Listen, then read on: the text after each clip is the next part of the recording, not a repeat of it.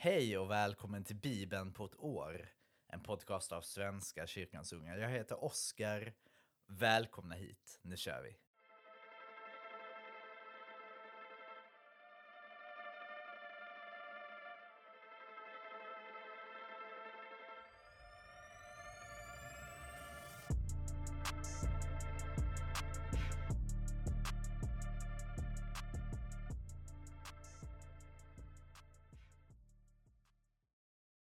Vi ber. Tack Gud för idag. Tack för den kärlek du har för oss. Jag ber att du ska stärka oss, hjälpa oss se det goda när det är svårt. Jag ber för julen. Jag ber för att det ska bli en god tid. Där vi får påminna oss om den kärlek du har för oss, Gud. Jag ber om en jul där vi har dig i fokus. Din kärlek i fokus. Där vi ser på varandra med din kärlek. En lugn och fin tid. Jag ber att vi ska se de som har det svårt under jul. De som känner sig ensamma och de som behöver en vän.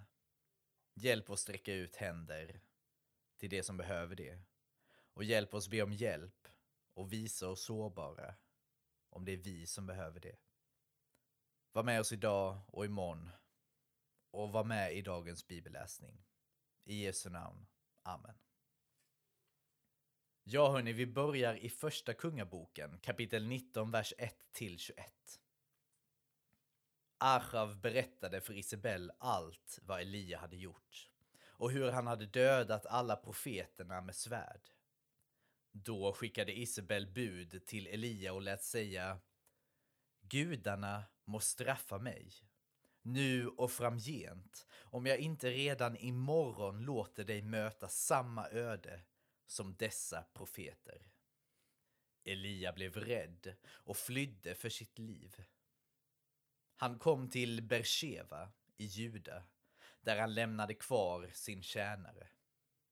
Själv gick han vidare en dagsled ut i öknen. Och efter vandringen satte han sig under en ginstbuske och önskade sig döden. Det är nog, sade han.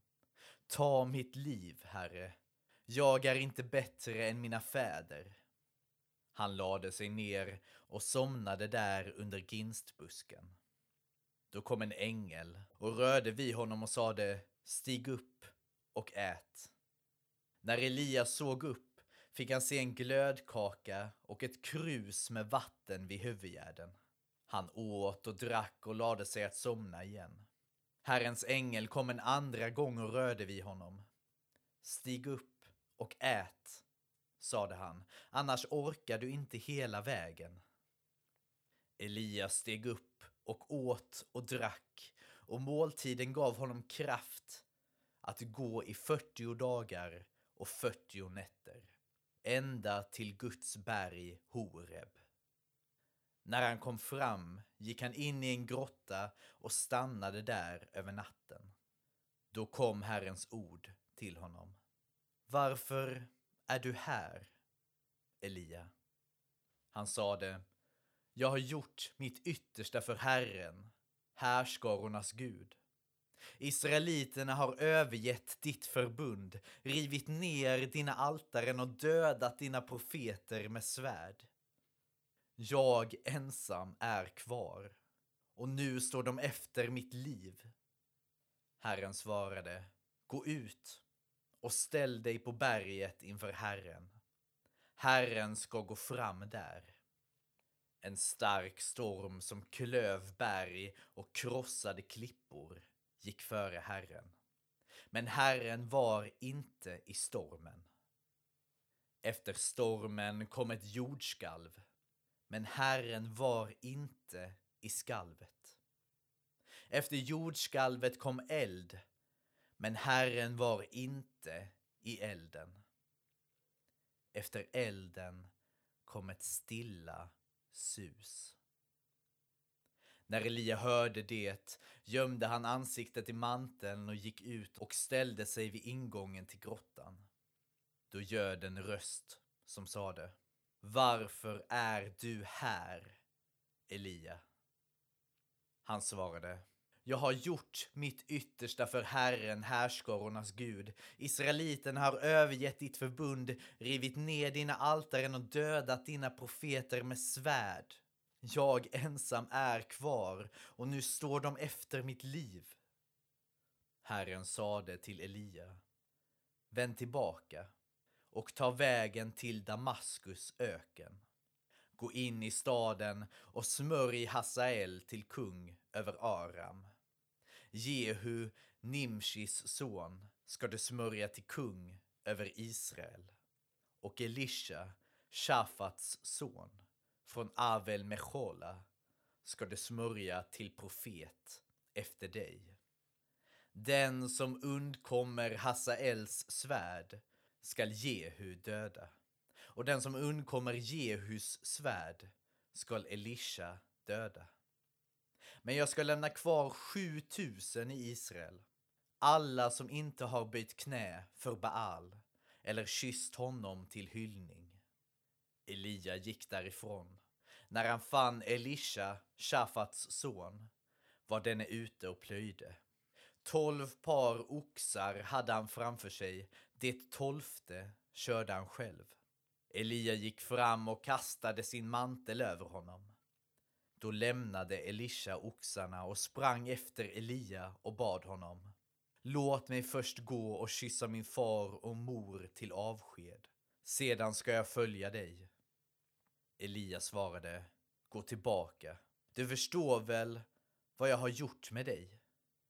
Elisha gick tillbaka, tog de båda oxarna och slaktade dem. Med oket som bränsle tillagade han köttet och gav det åt folket att äta. Sedan bröt han upp och följde Elia som hans tjänare. Ja, jag tycker det är spännande hur Gud ändå tar hand om Elia. Även när Elia själv har gett upp hoppet.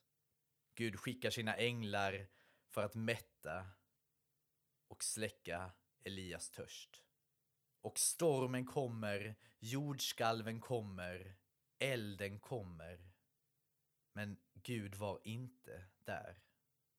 Nej, Gud var i det lilla suset. Ja, något att tänka på. Vi fortsätter i Apostlagärningarna, kapitel 12, vers 1 till 23. Vid den tiden ingrep kung Herodes hårdhänt mot en del av medlemmarna i församlingen. Han lät halshugga Jakob, Johannes bror, och när han såg att judarna gillade detta fortsatte han och lät också gripa Petrus. Det hände under det osyrade brödets högtid.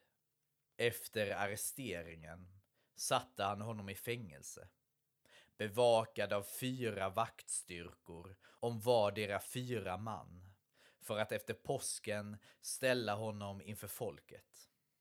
Petrus hölls alltså fängslad, och i församlingen bad man ivrigt till Gud för honom. Natten innan Herodes hade tänkt ställa honom inför rätta låg Petrus och sov mellan två soldater, bunden med två kedjor och utanför dörren fanns vakter som bevakade fängelset.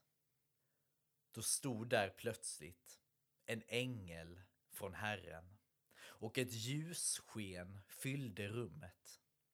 Ängeln väckte Petrus med en stöt i sidan. Skynda dig upp, sade han, och då föll kedjorna från Petrus händer. Ängeln fortsatte. Ta på dig bältet och sandalerna.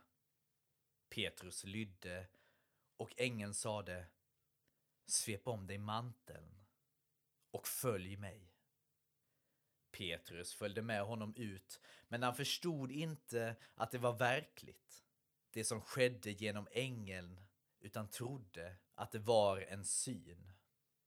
De passerade en vaktpost och sedan en till och kom till järnporten som ledde ut till staden och den öppnades för dem av sig själv. När de kom ut gick de gatan ner och då försvann ängeln. Så snart Petrus hade sansat sig sade han, nu vet jag verkligen att Herren har skickat sin ängel och räddat mig ur Herodes händer, undan allt som det judiska folket väntat sig.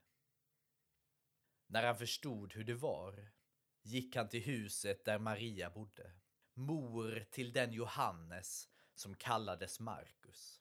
Där var många samlade till bön. Petrus bultade på porten och en tjänsteflicka som hette Rodé gick för att låsa upp. Men när hon kände igen Petrus röst blev hon så glad att hon istället för att öppna porten sprang in och berättade att Petrus stod utanför. Du är tokig, svarade de. Men hon stod på sig och då sade de, det är hans ängel. Petrus fortsatte att bulta och när de öppnade såg de till sin häpnad att det var han. Han gav dem ett tecken att vara tysta. Och så berättade han hur Herren hade fört honom ut ur fängelset.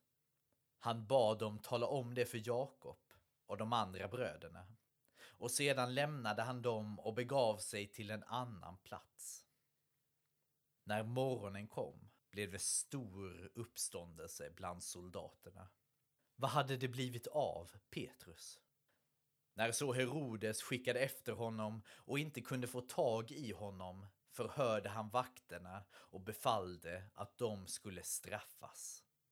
Därefter for han tillbaka från Judeen och uppehöll sig i Caesarea. Invånarna i Tyros och Sidon hade tagit på sig Herodes vrede.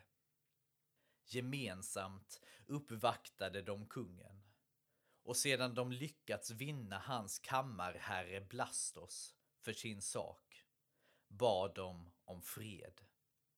Deras land var beroende av kungen för sin försörjning. På utsatt dag tog Herodes plats på tribunen iförd sin kungaskrud och höll ett tal riktat till dem. Och folket ropade, det är en gud som talar, inte en människa. Men i samma ögonblick slog honom en ängel från Herren för att han inte gav Gud äran.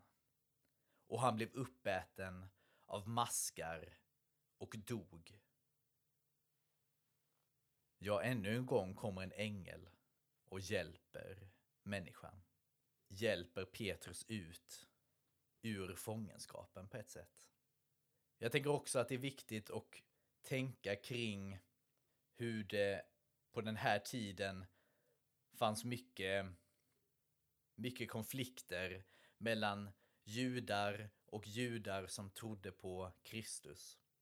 Och jag tror det också är viktigt att när man skriver så skriver man med känsla. Och när de skriver här mycket om det judiska folket och hur onda de är så är det viktigt att tänka att det här är någon som har skrivit som hade den känslan. Men det betyder inte att det är realitet. Det betyder inte att hela det judiska folket var onda liksom. Ni fattar. Det är viktigt att, att förstå det. Att när man läser så måste man försöka tänka, vem har skrivit det här? Varför har det skrivits? Genom vilka ögon eller linser har det här skrivits liksom? Annars så kan texter tyvärr förvanskas och, och tas ur kontext och, och um, läggas som grund till mycket ont. Och det har vi fått nog av genom historien tycker jag. Så jag tycker vi måste vara försiktiga och tänka extra mycket kring vad är det egentligen som texten vill säga. Och det är nog mer att, jag menar att Petrus fick hjälp att ta sig ur, ta sig ur den, den situation han var i. Gud hjälpte honom ut.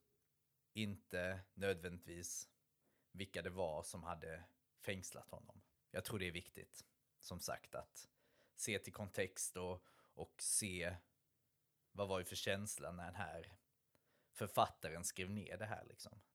Vi fortsätter i Saltaren 136. Tacka Herren, ty han är god. Evigt varar hans nåd. Tacka gudarnas Gud. Evigt varar hans nåd. Tacka herrarnas Herre. Evigt varar hans nåd. Han ensam gör under.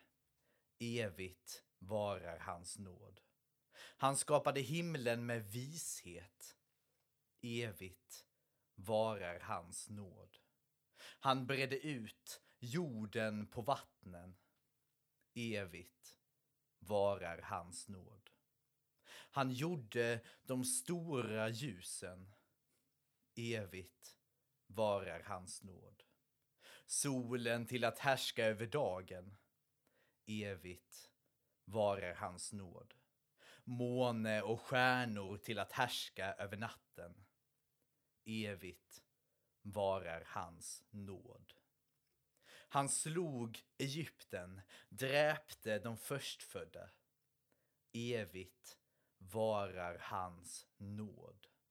Han förde Israel ut därifrån. Evigt varar hans nåd. Med stark hand, med lyftad arm. Evigt varar hans nåd. Sävhavet klöv han mitt i tu. Evigt varar hans nåd. Och lät Israel gå rakt igenom. Evigt varar hans nåd. Han vräkte farao och hans här i havet. Evigt varar hans nåd. Han ledde sitt folk i öknen. Evigt varar hans nåd. Han fällde stora kungar. Evigt varar hans nåd. Han dräpte väldiga kungar. Evigt varar hans nåd. Sichon, Amorenas kung. Evigt varar hans nåd. Och Og, kungen av Bashan. Evigt varar hans nåd. Han gav deras land åt Israel. Evigt varar hans nåd. Som egendom åt Israel sin tjänare. Evigt varar hans nåd. Han tänkte på oss i vår förnedring evigt varar hans nåd. Han ryckte oss ur våra fienders grepp. Evigt varar hans nåd. Han ger bröd åt allt levande. Evigt varar hans nåd.